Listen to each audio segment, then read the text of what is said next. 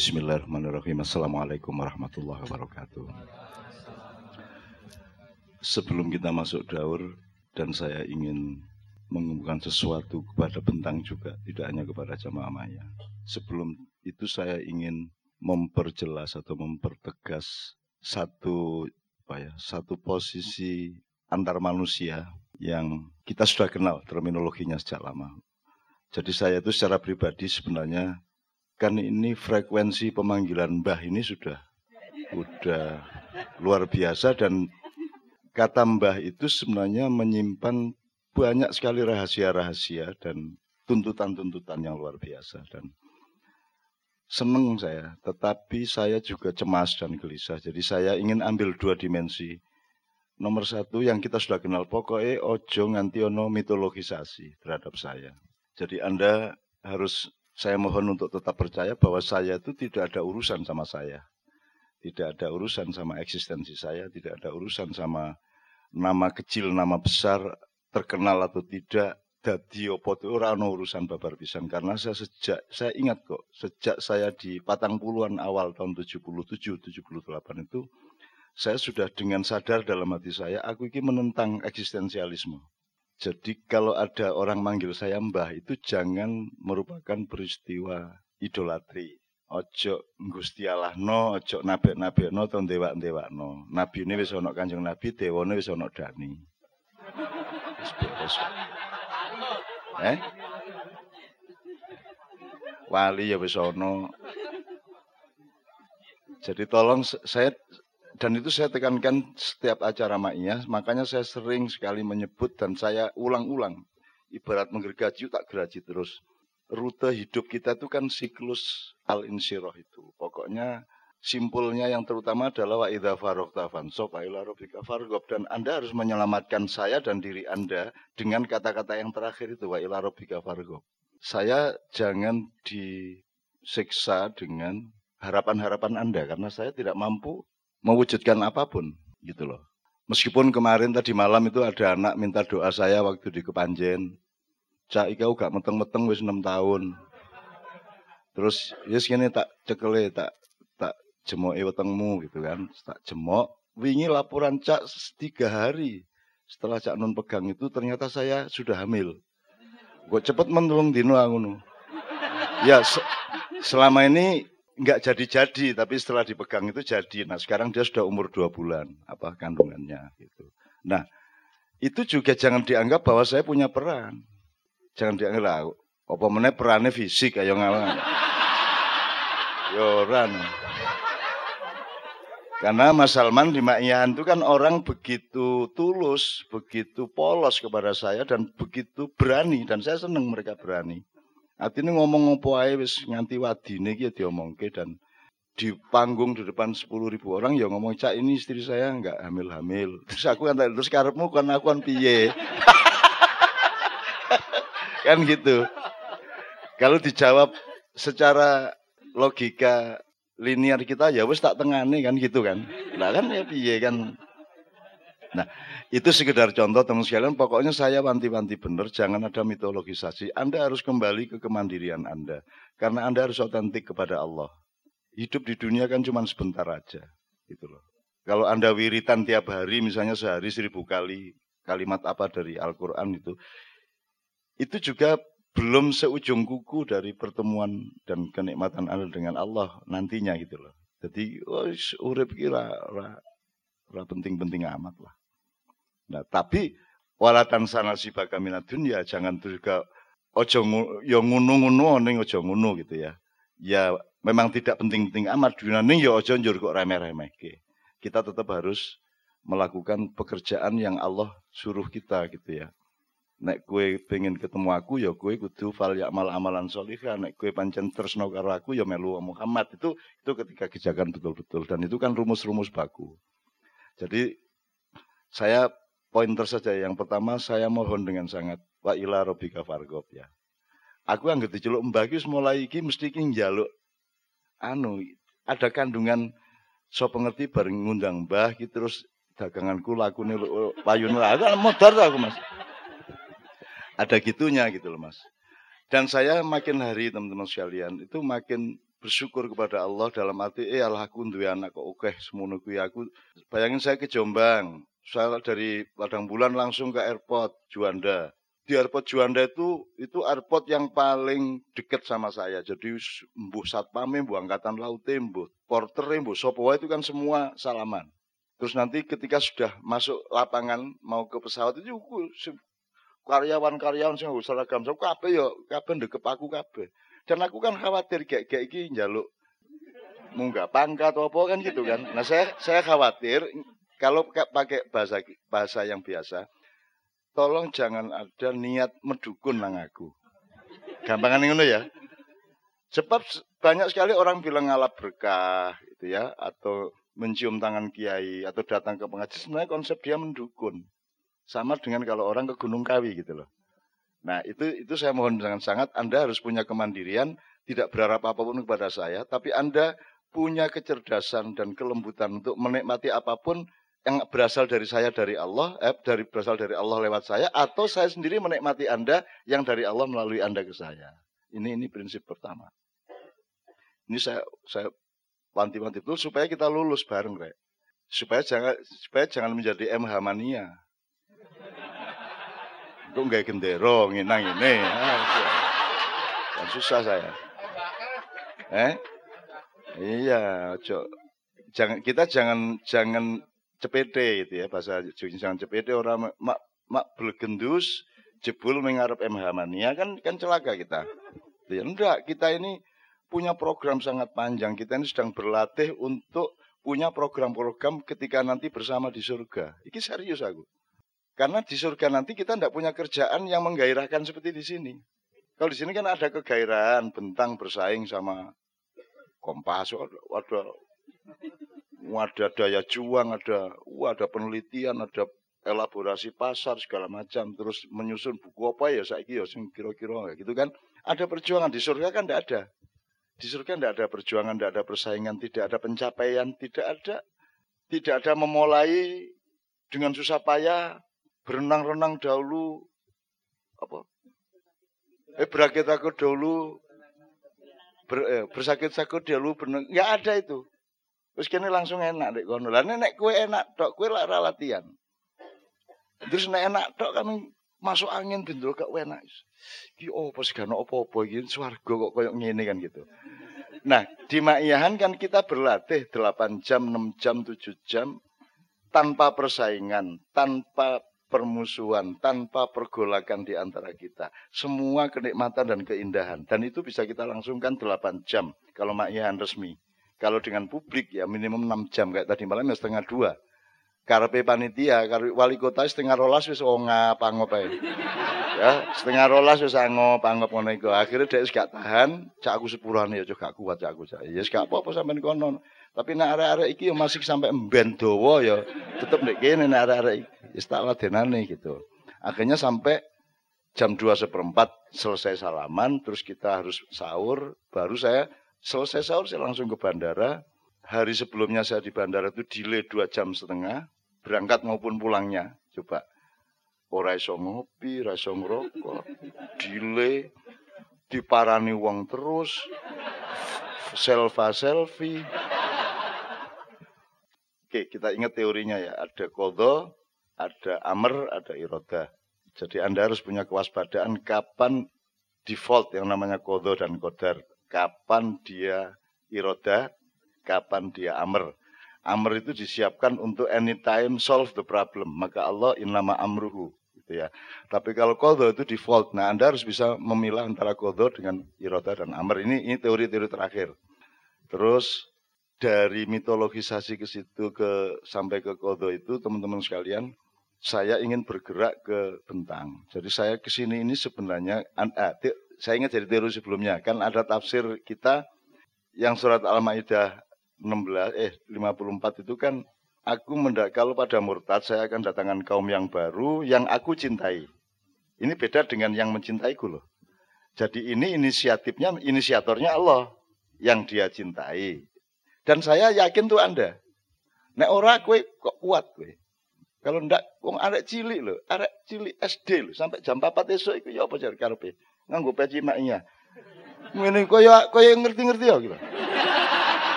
Tapi kembali seperti yang dikatakan mbaknya tadi. Saya kan sudah pernah bilang sama Anda. Siapa bilang Anda harus mengerti? Yang penting Anda terlibat pada apa yang dihadirkan kepada Anda dan yang dihadirkan terlibat di dalam struktur mesin kejiwaan Anda. Wes turu sing penting kopengmu krungu sejumlah kalimat wis cukup. Wis cukup, Mas.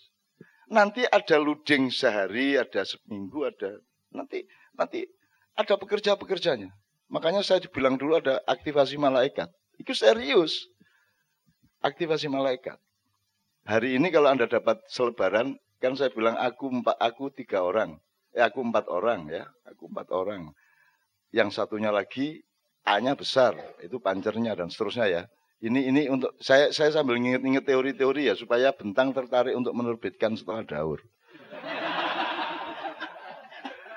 ah, ya ini tadi kan kita ngomong mengenai apa? Bentar. Kodar-kodar, kemudian saya terus sampai ke dia tadi bilang rutenya ya. Tidak harus mengerti. Orang modern itu kan sombongnya luar biasa sehingga opo-opo kudu ngerti. Padahal ada 90% hal dalam hidup yang kamu jangan sampai ngerti. Lu HP orang ngerti banget, gue ngerti motor, gue ngerti gue Wes tau orang ngerti wae. Makanya iman itu dominan. Ilmu tidak dominan. Makanya Allah ngasih ilmu sedikit saja. Karena kalau sampai kenapa kita beriman? Karena kita tidak tahu. Aku nggak ngerti istriku cinta bener apa tidak. Aku percaya, gitu dok. Maka iman itu apa namanya? Dia primer, dia supremasi.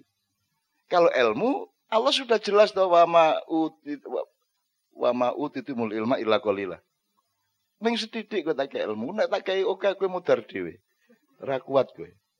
Nah, dari situ maka di maknya Anda tidak hadir seperti mahasiswa di kampus, tidak hadir seperti santri di pesantren, tidak hadir seperti murid di hadapan gurunya. Anda hadir sebagai faktor dari cara Allah menciptakan Al-Quran dan alam semesta. Karena daur ini sendiri kan taat kepada sistem Al-Quran. Karena Anda tidak tidak harus membaca halaman satu, baru dua, baru tiga. Anda boleh tiba-tiba mau sakarmu. Nek kue pas loro apa bukaan kuwi kira-kira dalam bahasa dalam ono kalimat apa, ono kata apa, gek-gek kuwi obate kan ya iso wae to ya. Oh, rasa ruwet-ruwet. Makanya yang andalan utama iman. Kalau ilmu, kalau andalan utama ilmu, Anda harus membaca, terus harus klop sama logika Anda dan seterusnya. Dan itu nanti untuk menjadi nasib, untuk menjadi hidayah, sekian langkah. Tapi kalau iman enggak, ono sego di pangan sego, ono boto di mut boto. Hasilnya bisa sama-sama gizi kan gitu. Bisa, bisa aja. Enggak ada masalah. Kalau Anda pernah jadi kopasus, Anda tahu dasarnya ilmu itu tadi. Ya. Saya kan Kopassus. Kan banyak gambarnya. Itu serius loh, itu foto beneran loh, ada nama saya loh itu. Cuman saya dikasih privilege, tidak usah loncat-loncat, tidak usah berenang. Kan, kan. Tapi kan saya tetap, buktinya saya saya anggota kehormatan. Dan saya ternyata alumnus UGM, sudah jelas tuh kemarin.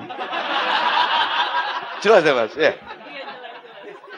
Bayangin, Anda susah payah harus jadi mahasiswa 6 tahun baru jadi alumnus. Aku iki loh. Petang wulan gak bisa nggarap ujian alumnus. Dan saya alumnus Gontor. Alumnus Gontor, saat diusir dari Gontor. Nah, jadi sekarang mengerti ya mas, yang namanya pencapaian itu tidak seperti yang ilmu katakan. Ilmu bisa benar, tapi dia tetap kalah benar dari iman. Nah, iman itu adalah kamu kamu online, kamu sama sama Allah itu dialektis terus. Tek tek tek tek tek tek tek, tek gitu loh. Oke. Jadi dari soal di, pelok tadi kan menjadi jelas ya sekarang. Jadi Anda juga tidak harus misalnya seumur hidup Anda baca kalau ini empat ya. Kon mau coba halaman tak ya gak masalah. Wes kon duit tak lho, gak masalah. Loh, kok delet tak, kok delet di meja. Ya, terus kok kate berangkat nyambut gawe halo, menurut cukup. Wes cukup. Itu sudah sebuah peristiwa iman. Itu sudah peristiwa cinta sudah. Siapa bilang harus memahami kata dan kalimat? Kamu menghina Nabi Adam. Nabi Adam tidak pernah urusan sama kata, teks, literasi. Tidak pernah. Nabi Nuh juga tidak. Semua nabi bahkan. Lah kok saya sudah sombong banget. Wah ini minat baca turun.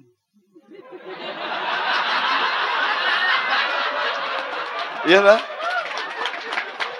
Lah rumang samu mau ki maca huruf makanya saya tadi kan minta di dalam tadi minta udah habis ini saya kalau saya kalau dari keinginan saya udah habis ini terbitkan Iqra Muhammad atau bacalah Iqra. Saya memilihnya Iqra Muhammad. Jadi Al-Qur'an itu sebenarnya bukan Muhammad disuruh baca. Kita disuruh membaca Muhammad. Jadi judulnya itu Iqra Muhammad karena Muhammad lebih lengkap dari Al-Qur'an. Muhammad kita jahsani takwim, itu aja Quran kalah kok. Apalagi di antara kita ada yang jagoan dasar namanya Muhammad. Jadi dia aksanu, aksani, aksani, aksani takwim. Kan gitu mas. Jadi ikro Muhammad. Nah kalau anda sempat menghafalkan Quran, ya Alhamdulillah. ya Dalam rangka ikro Muhammad.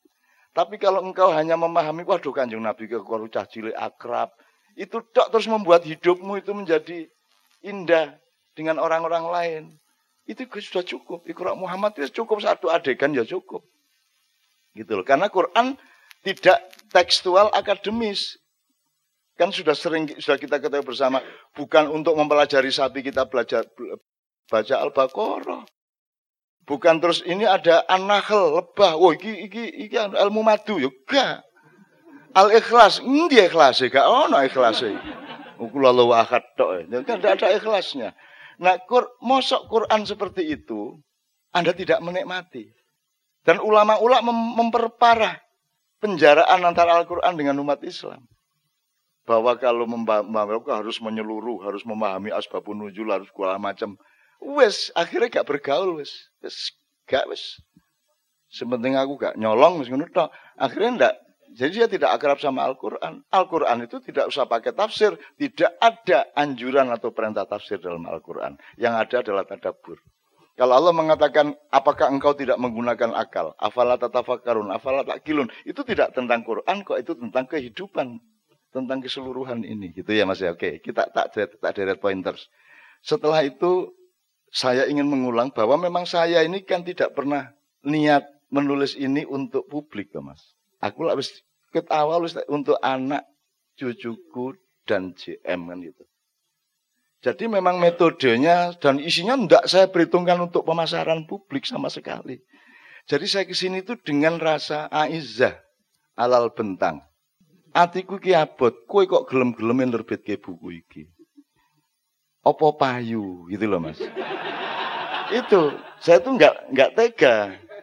Wong buku ini tidak pernah saya maksudkan. Jadi tidak saya racik seperti saya dulu nulis di Tempo, di Gatra. Racikannya ndak gitu. Bisa karepku pokoknya tak dudah lemah tak dudah wis kue wis modaro kue nek kue pokoknya aku ora peduli. Nah, satu-satunya kans untuk supaya daur itu dibeli orang adalah hidayah Allah. Anak hidayah iso kok kalah ya Bapak sekarang saya tanya, lama iya ini berlangsung sampai sekian lama dengan rekor-rekor yang luar biasa, apa rumah samu peristiwa apa? Apa peristiwa saya pinter komunikasi? Apa peristiwa saya bisa menciptakan kalimat-kalimat yang retoris, yang sastrawi? Kan enggak tuh. Kan hidayah tuh jawabannya. Makanya di maknya saya sering katakan, sudahlah, nanti tolong diingatkan puncaknya nanti saya ingin bicara mengenai wati ini ya. Wati ini wazaitun ya. Ini untuk merangsang bentang untuk percaya bahwa dia sebaiknya menerbitkan itu nanti gitu. Nah, watin ini yang yang terakhir-terakhir saya omongkan. Ya. Cecek tiba nibane awakmu. Waduh, sial iki. Gitu. Nyetir ana kucing tabrak. Drijilen nek dhuwur tengen rezeki. Wah, iki ngisor ki, woi. Ya Mas? Itu aja kita sudah putus asa toh. Wong saiki iki gampang men putus asa. Kentekan pulsa wis mau bunuh diri ya.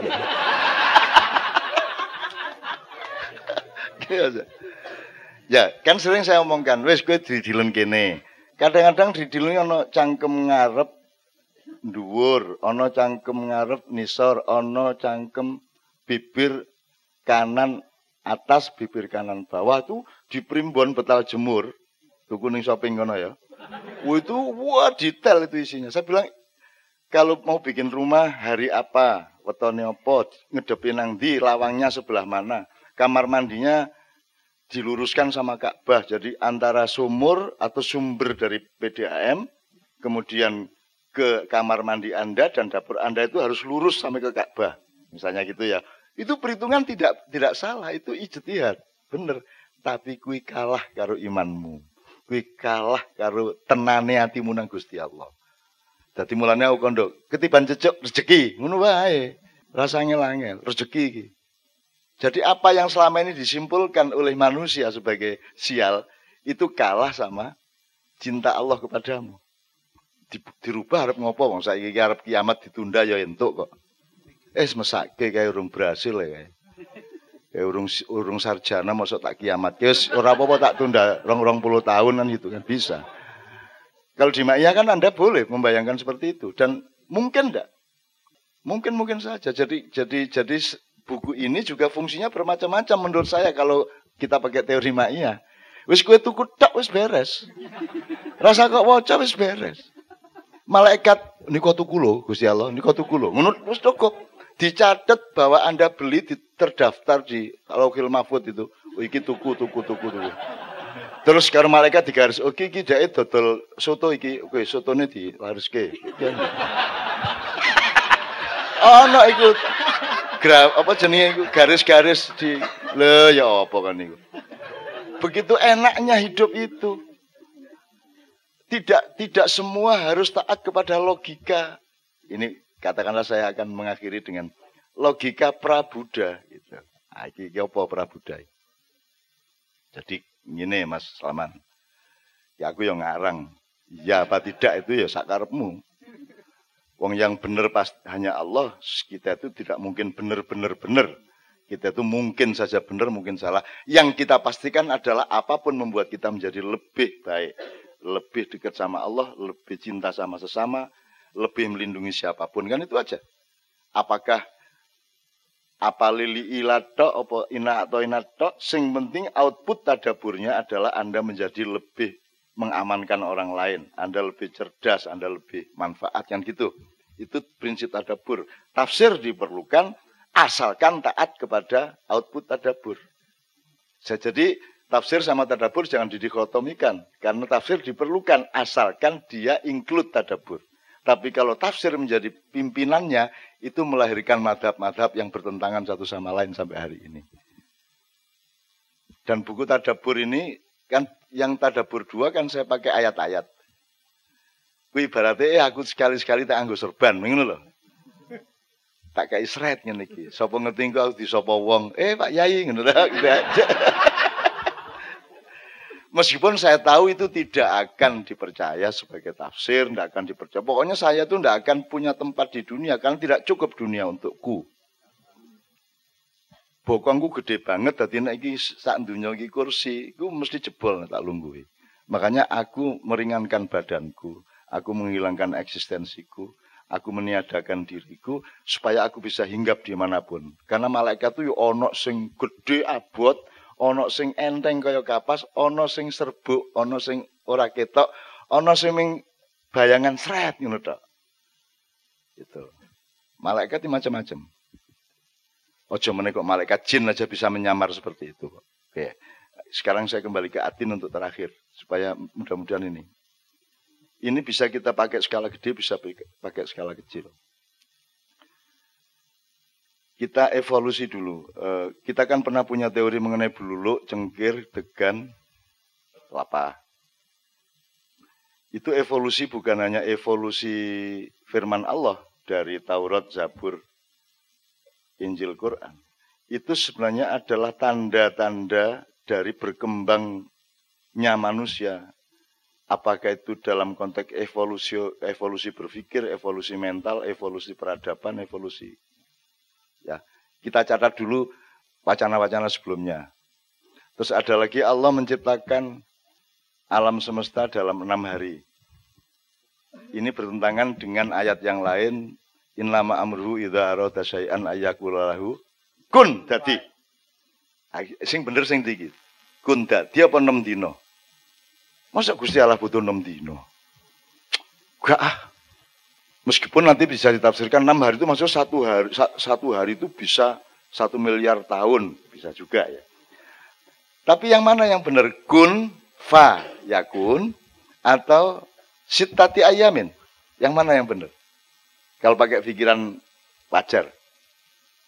Nah saya mengawuri teks ini. tak awur ya.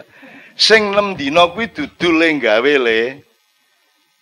Nem dina kuwi sing digawe. Itu selalu dia punya rumus atau watak atau hukum atau aturan atau syariat torikot apa pun yang harus evolusioner enam tahap. Gitu loh. Jadi bukan Tuhan menciptakan alam semesta dalam enam hari, yang dalam enam hari itu ciptaannya bukan bukan menciptanya. Jelas ya mas ya? Nah, enam hari ini apa? Katakanlah begini. Mungkin saya jujuk ke ini dulu untuk supaya agak provokatif.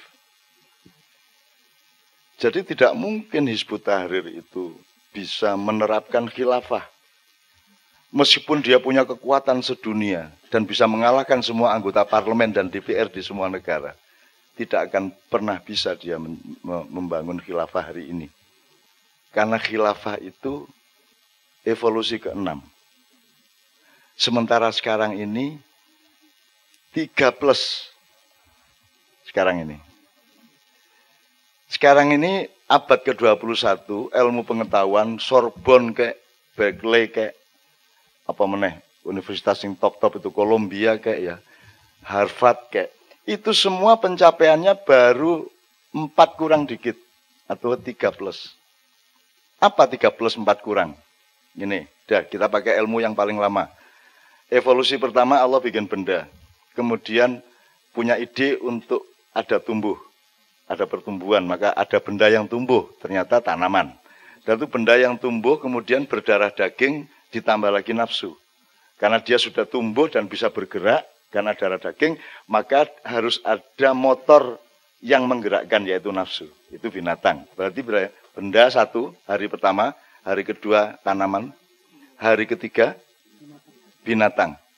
Nah, benda berketumbuhan, berdarah daging, bernafsu, berakal. Ini manusia.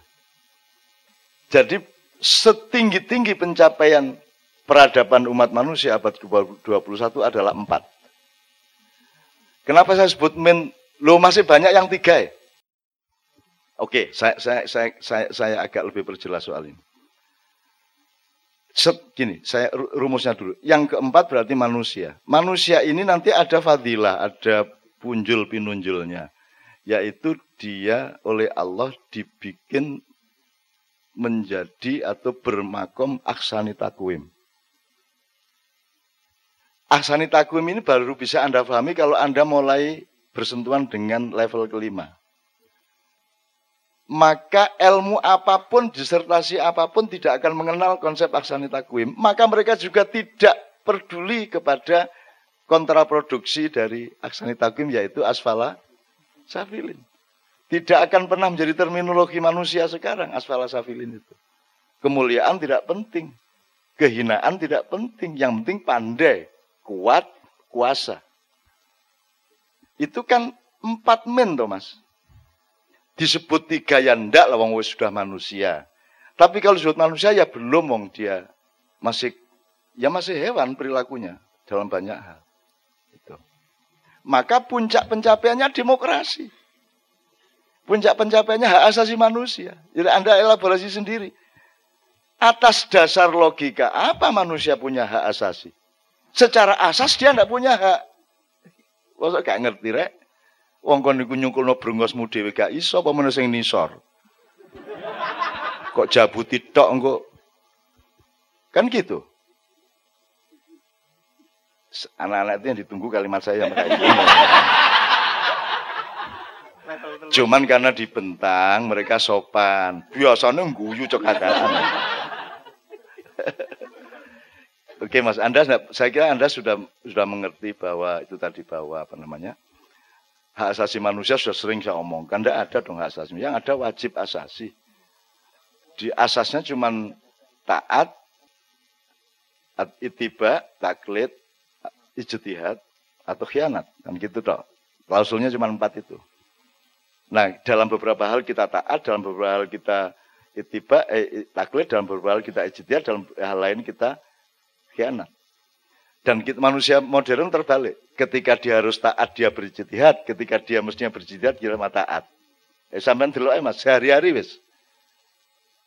Ketika dia harus tidak mencuri, dia korupsi. Ketika dia boleh kreatif, orang yang kreatif. Coba biar gue. Adzan nih loh mas, tidak disadari. Adzan itu kabeh itibak, taklid. Kalah sama desa saya. Anda ke desa saya, ke Menturo. Anda dengarkan yang adan kalau ndak nuri sopo sopo sopo gitu ya. Itu meskipun yang adan cuma dia ndak pernah sama adannya mas. Duhur, ngu asar, maghrib, gak podo mas. Karena dia otentik dari dirinya. Tapi Anda dengarkan adan di kota sini, kuapen di rumah Jidil Haram. Allahu Akbar, Allahu Akbar. Allahu Akbar, Allahu Akbar. Kapan niru? Padahal Anda boleh kreatif dalam azan. Ketika Anda harus taat, yaitu beriman, istiqomah, sidik, amanat, Anda nawar. Malah ijtihad. kan gitu mas. Itu terbaliknya orang modern. Jadi kalau saya bilang, apa namanya tadi? Supaya tidak terlalu panjang ya Ustaz ya.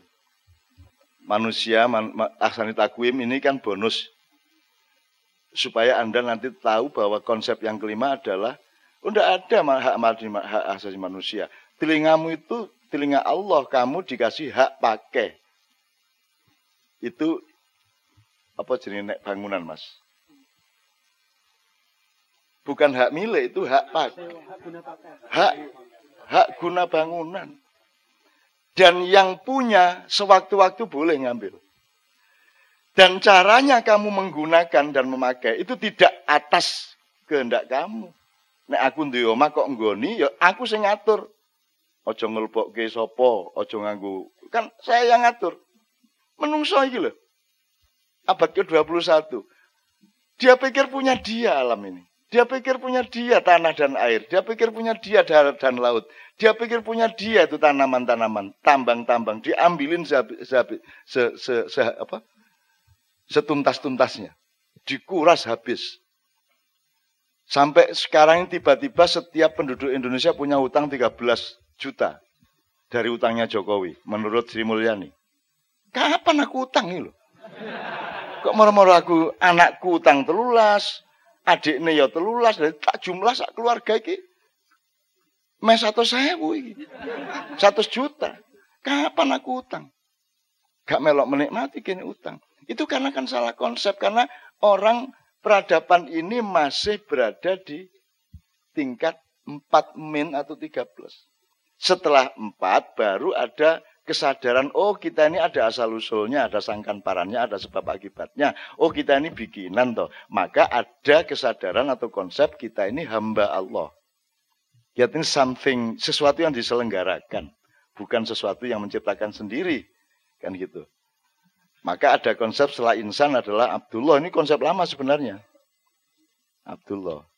Setelah Abdullah, Anda kalau sudah terbiasa, sudah latihan punya jam terbang untuk menjadi Abdullah. Jadi misalnya Anda jualan soto, jualan nasi. Itu Anda kalau Abdullah, Anda punya kesadaran untuk bersyukur. Allah bikin padi, Allah ngasih hujan. Karena kalau Anda Abdullah, Anda punya kesadaran yang berbeda. Nasi menjadi terasa lain, Mas dengan kalau Anda manusia, dengan hamnya. Kan itu. Dan tolong Anda cari puisi-puisi saya yang yang yang yang merupakan ketidaksetujuan saya terhadap HAM itu tahun akhir 70-an. Jadi kan biar aku wis, wis mau HAM HAM itu apa? HAM itu nek bahasa Inggris itu daging babi. Iya Mas ya? Lah iya, itu ya. Setelah Abdullah baru, oh kita ini bukan hanya budak, kita ini punya bukan hanya hamba, kita ini bukan hanya penyembah, kita ini dutanya Allah, kita ini dikasih wewenang untuk mengelola, kita ini khalifatullah. Nah jadi kalau saat ini saya mengatakan, kalau Hizbut Tahrir ingin bikin khilafah, yang pertama harus dilakukan adalah pendidikan. Untuk mengubah manusia dari kesadaran insan menuju kesadaran Abdullah, menuju kesadaran Khalifatullah. Kan begitu betul. Baru siap. Lo kalau kamu tanam khilafah sekarang, tidak mau tanahnya. Tidak kompatibel kimianya. Hawanya juga tidak mendukung. Jadi kamu akan jadi korban atau kamu yang membuat banyak pengorbanan orang lain. Karena kudu dipaprasi NKRI, Pancasila kudu dipaprasi, kudu ditebangi kabeh. Gundul hutannya baru menanam khilafah. Kan rame nanti kan. Akhirnya berhadapan sama Banser. Sama Ansor, kan begitu. Sama FPI. Meskipun mereka juga ngerti itu. Yang lawan ini tidak ngerti. Pokoknya jangan ditebang ini pohon saya. Kan gitu dong. Gitu ya mas ya. Oke. Dari sini saya coba relevansikan ke Atin.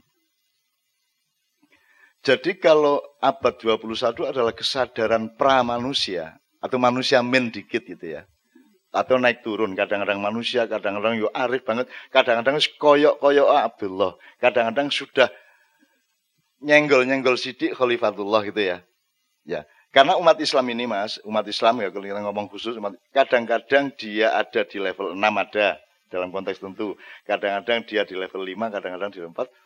Kadang-kadang sing paling sing paling mainstream umat Islam itu kan level pertama. Level benda.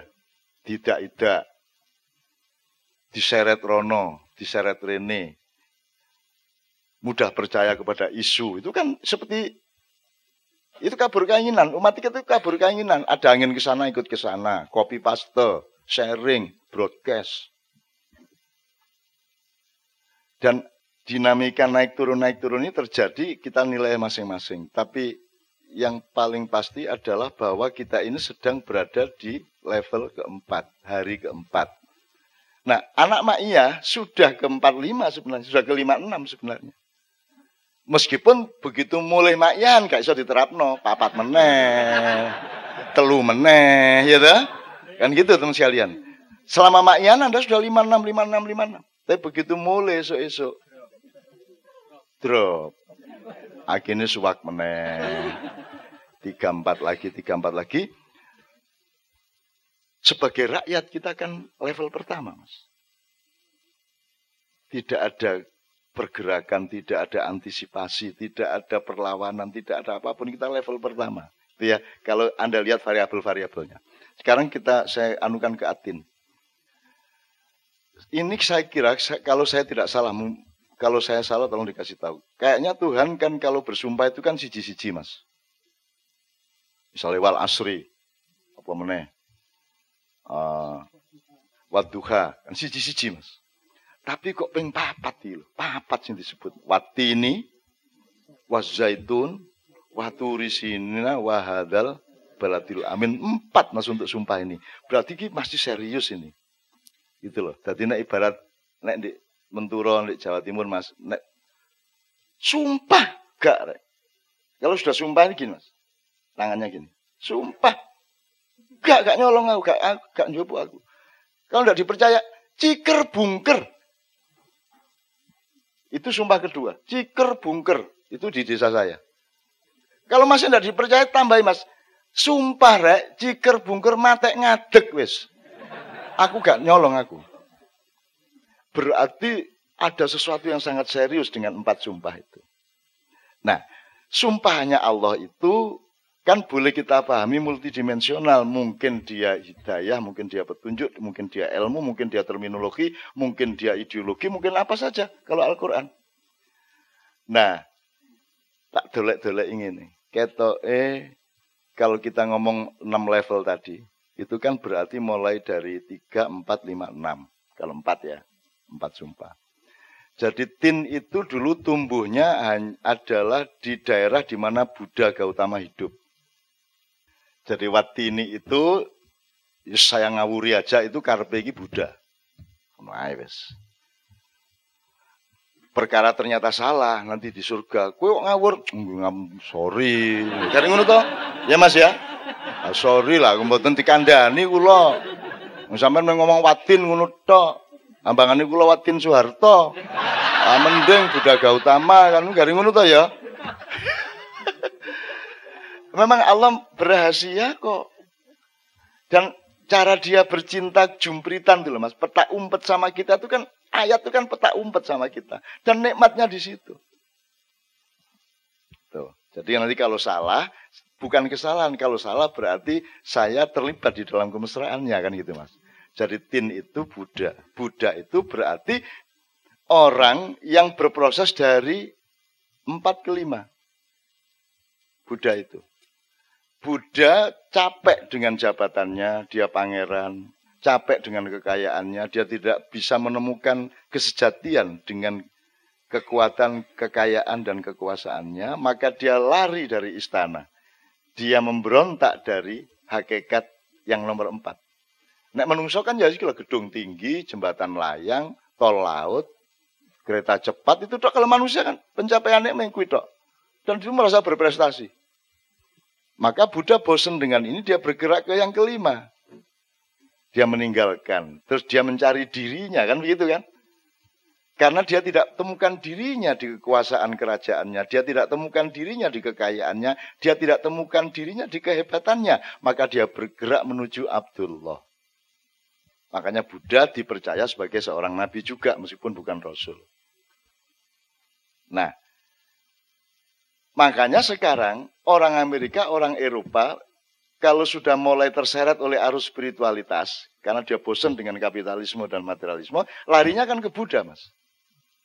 Kan semua pada masuk Buddha, Mas. Makanya yang laris Bagawan, Hari Krishna, eh, Zen Buddhism. Jadi yang laris itu Buddha. Karena memang abad ini mereka bergerak dari empat ke lima. Kan gitu kira-kira. Jadi kalau Islam sekarang berkembang di Amerika, di Jerman, di Eropa, di Inggris, di mana-mana.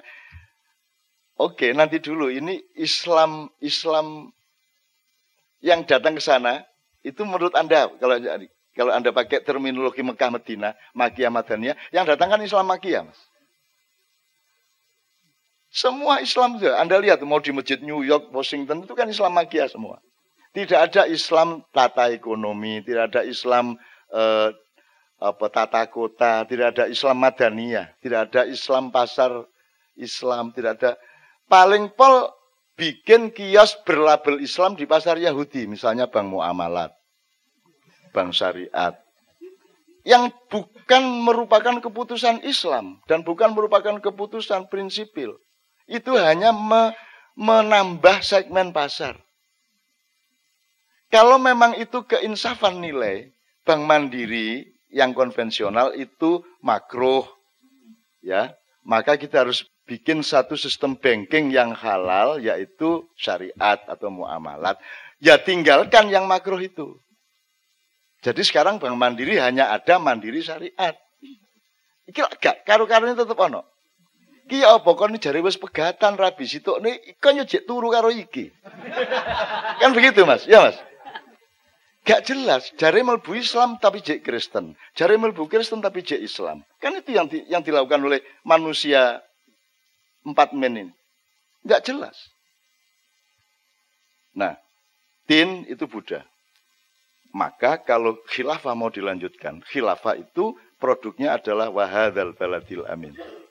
Baladil amin itu sudah keadaban, sudah peradaban sudah aplikasi, sudah manifestasi, sudah pengejawentahan, sudah perwujudan. Dia sudah sistem, dia sudah manajemen, sudah sudah taslih, sudah soleh, sudah dihitung semua presisi-presisinya. Itu namanya wahadal baladil amin. Kan yang sebelumnya cuma pohon, buah, kemudian gurun Sinai, batu sini, nah gunung dan gurun. Tapi yang keempat sudah peradaban. Di mana pohon ada di situ, di mana buah ada di situ, di mana relief bukit-bukit ada di situ. Itu wahadal baladil amin. Jadi hadal baladil amin itu Muhammad. Itu khilafah. Nah, waktu ini wazaitun. Ya kalau pohon zaitun jadi ya Yerusalem lah. Di Palestina lah. Jadi itu berarti Isa. Kalau evolusi konsepnya bisa. Turi sini nah tur ya tur sina. Sinin gunung gurun Sinai, Musa berarti. Nah, jadi ini ada terminologi dari Allah. Dari Buddha ke Isa ke Musa ke Muhammad. Dan ada banyak terminologi. Kita tinggal lewat yang mana, monggo. Karena kita sudah belajar dalam Islam Allah selalu memakai kata jalan. Pertama sabilillah, sabil. Kedua syariatullah, syari. Nomor tiga torikotullah, torik. Nomor empat sirotol mustaqim, sirot.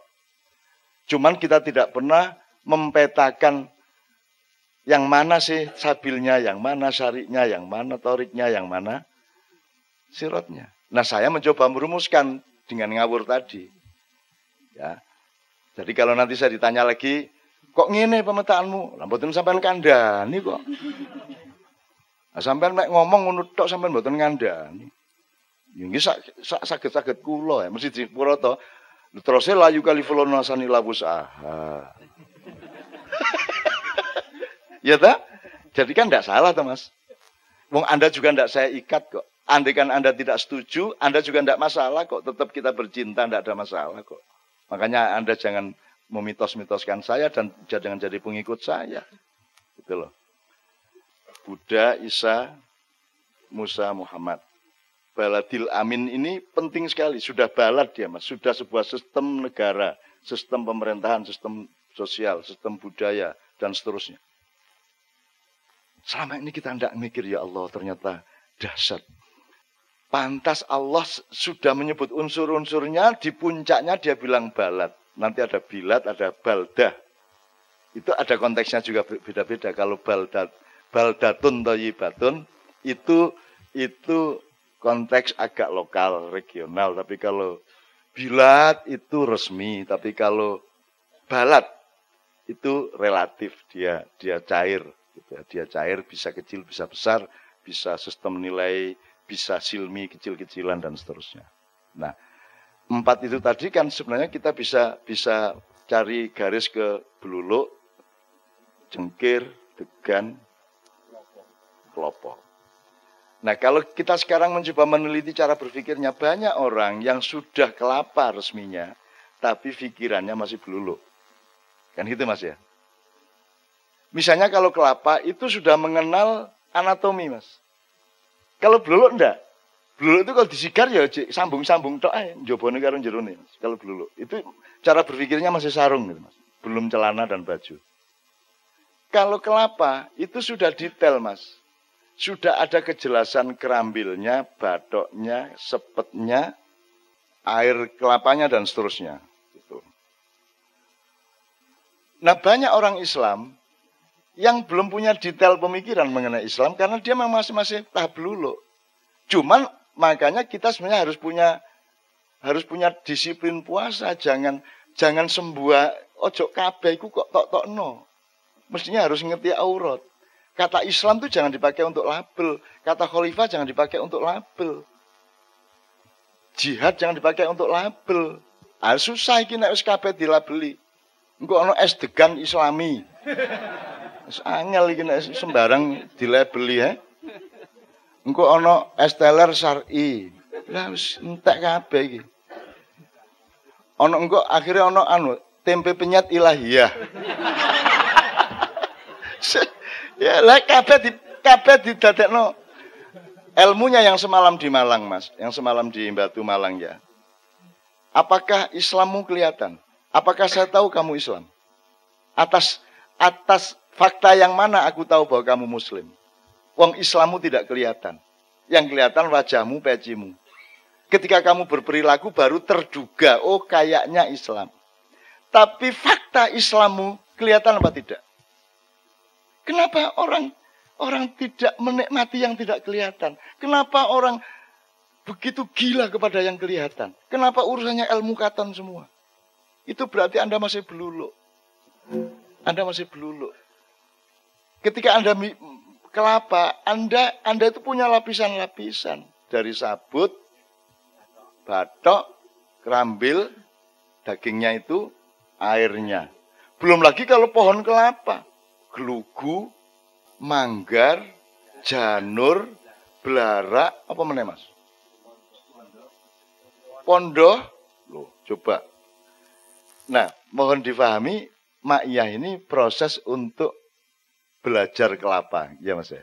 Belajar kelapa. Lebih detail, lebih map apa ya lebih punya mapping, lebih punya apa namanya pilah-pilah dan seterusnya. Bahwa legi karo gula kudu kok iso, iso kok bisa. Ayu karo rai iku seje. Ayune duduk raine. Isa isa bayang Mas. Ya sing ngene, iki ana arek ayu aku jupukno ayune titik, gak iso. Nek jupukno irunge titik jek mungkin diiris. Tapi nek jupukno ayune gak iso. Karena ayu itu tidak kelihatan, ganteng tidak kelihatan. Orang sekarang dipikir ganteng itu kelihatan. Tidak kelihatan ganteng itu. Islam tidak kelihatan, puasa tidak kelihatan, poso kok ketok. Gimana cara tahu, bagaimana cara Anda meyakini saya itu puasa? Kok rone aku poso? Jadi kalau Anda diundang buka puasa bersama itu jangan GR seolah-olah Anda sedang berbuka bersama orang yang berpuasa. Jangan GR dong. Bagaimana cara Anda tahu dia berpuasa apa tidak? Ya Mas ya. Nah, mari kita belajar untuk menerjemahkan iman kepada Allah menjadi iman di antara kita hablum minan nas ini. Hablul imanu minan nas atau bainan nas. Di mana saya tidak perlu kamu mengungkap-ungkap yang tidak kelihatan itu supaya saya percaya kepada Anda. Mari kita belajar untuk membaca yang tidak kelihatan, untuk merasakan yang tidak yang tidak seperti tidak ada, gitu loh. Kalau ini kita latih, baru kita bisa bikin khilafah.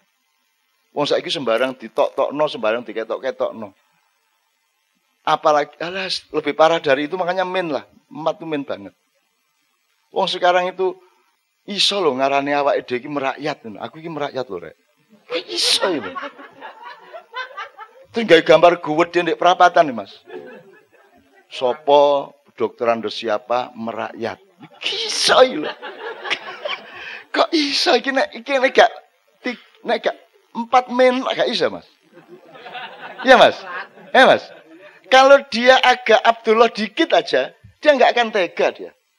Nggak akan tega dia menghadirkan dirinya dengan cara yang memalukan seperti itu. Ya ini contoh-contoh. Oke, saya akan akhiri. Pokoknya baladil aminnya jelas mas ya. Nah, kita teman-teman sekalian, kalau sekarang agak ngomong konkret Indonesia, dunia dan seterusnya, buku daur ini kan harus kita lihat bahwa nanti buah buah mangganya adalah kalau Anda menanam pelok itu. Anda menanam apa tidak? Nah, apakah kita akan bikin perkebunan? Sebagaimana surga bernama, berarti kebun, surga adalah kebun. Dan Allah selalu melambangkan apa pun dengan pohon. Wa mathalu kalimatin toyibatin, kasa jarotin toyibatin, dan seterusnya. Saya kira rumusnya sebenarnya sudah sangat lengkap sekarang. Sudah, sudah, sudah lumayan lengkap. Termasuk sabil itu arahnya.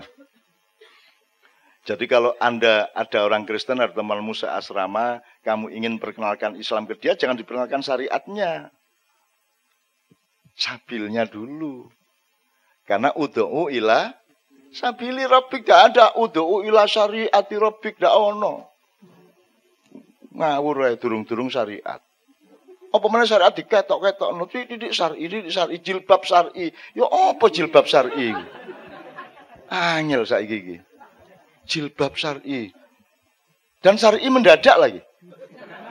Kan gitu. Oke.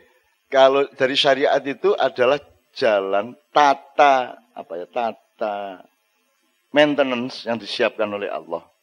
Ya. Tapi cara kamu menempuh jalan itu namanya torikot.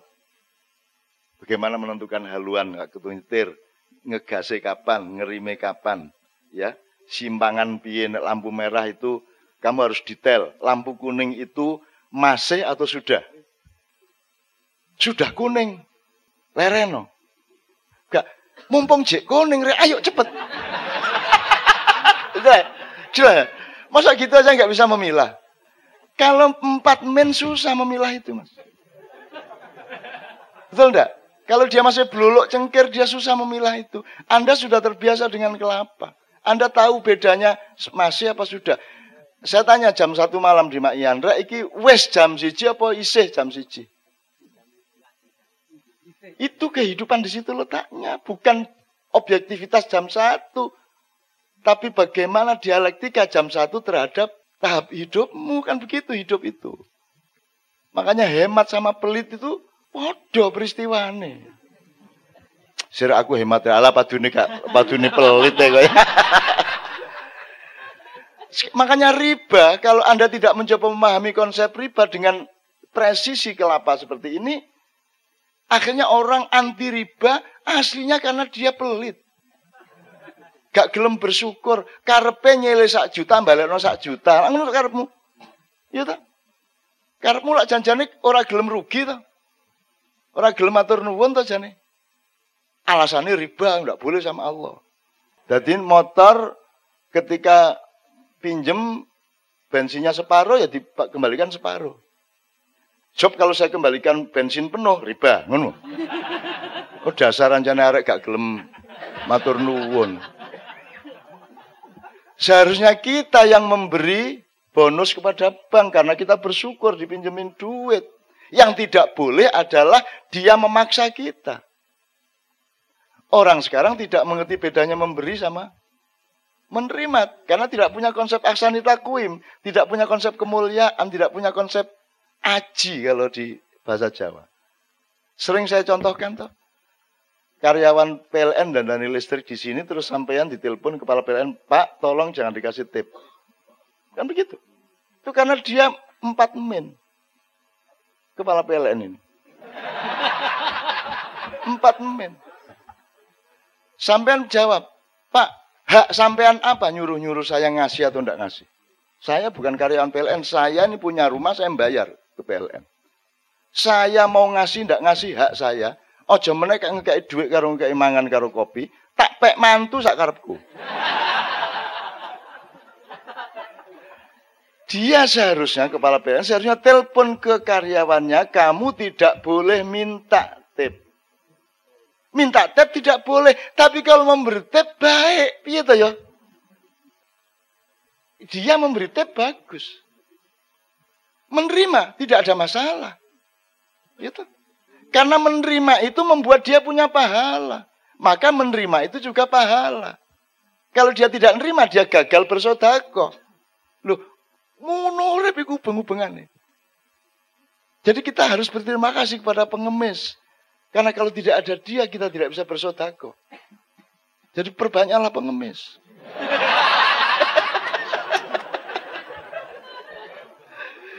Jelas ya Mas ya?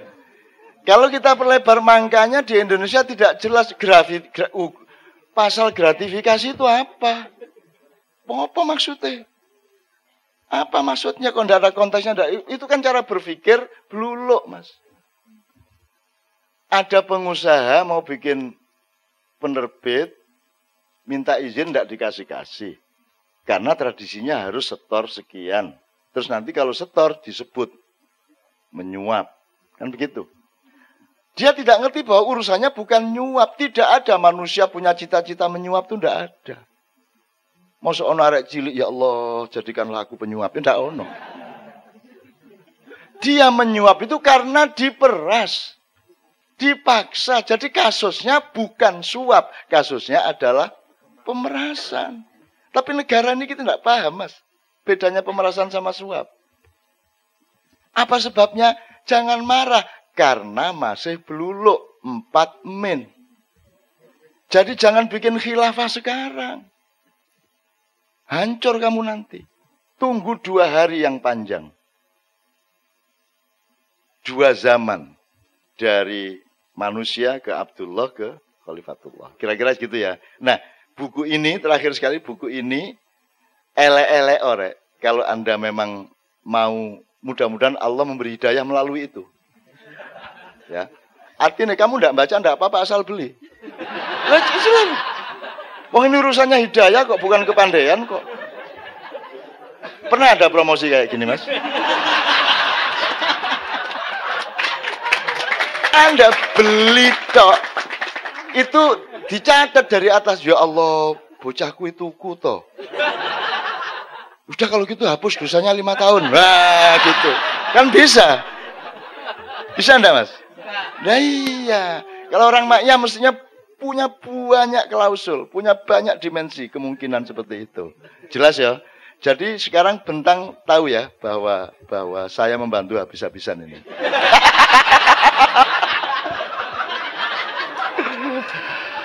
Oke, saya doakan Anda betul-betul mendapat hidayah karena sebenarnya hidayah tidak lewat tidak buku itu merupakan dia enggak. Yang Laroi Bafi itu Al-Qur'an, tapi kalau ini tidak tidak pasti Laroi Bafi, tetapi kumpulan dari itikat baik kumpulan dari husnudon, kumpulan dari keikhlasan, kumpulan dari empati, simpati, dan cinta, itu akan menjadi satu ramuan berkah dan hidayah. Kira-kira ya. Jadi begitu kontuku, terjadilah racian dan aransemen hidayah. Ya, Dengan demikian royalti saya dinaikkan. Oke, assalamualaikum warahmatullahi wabarakatuh ya.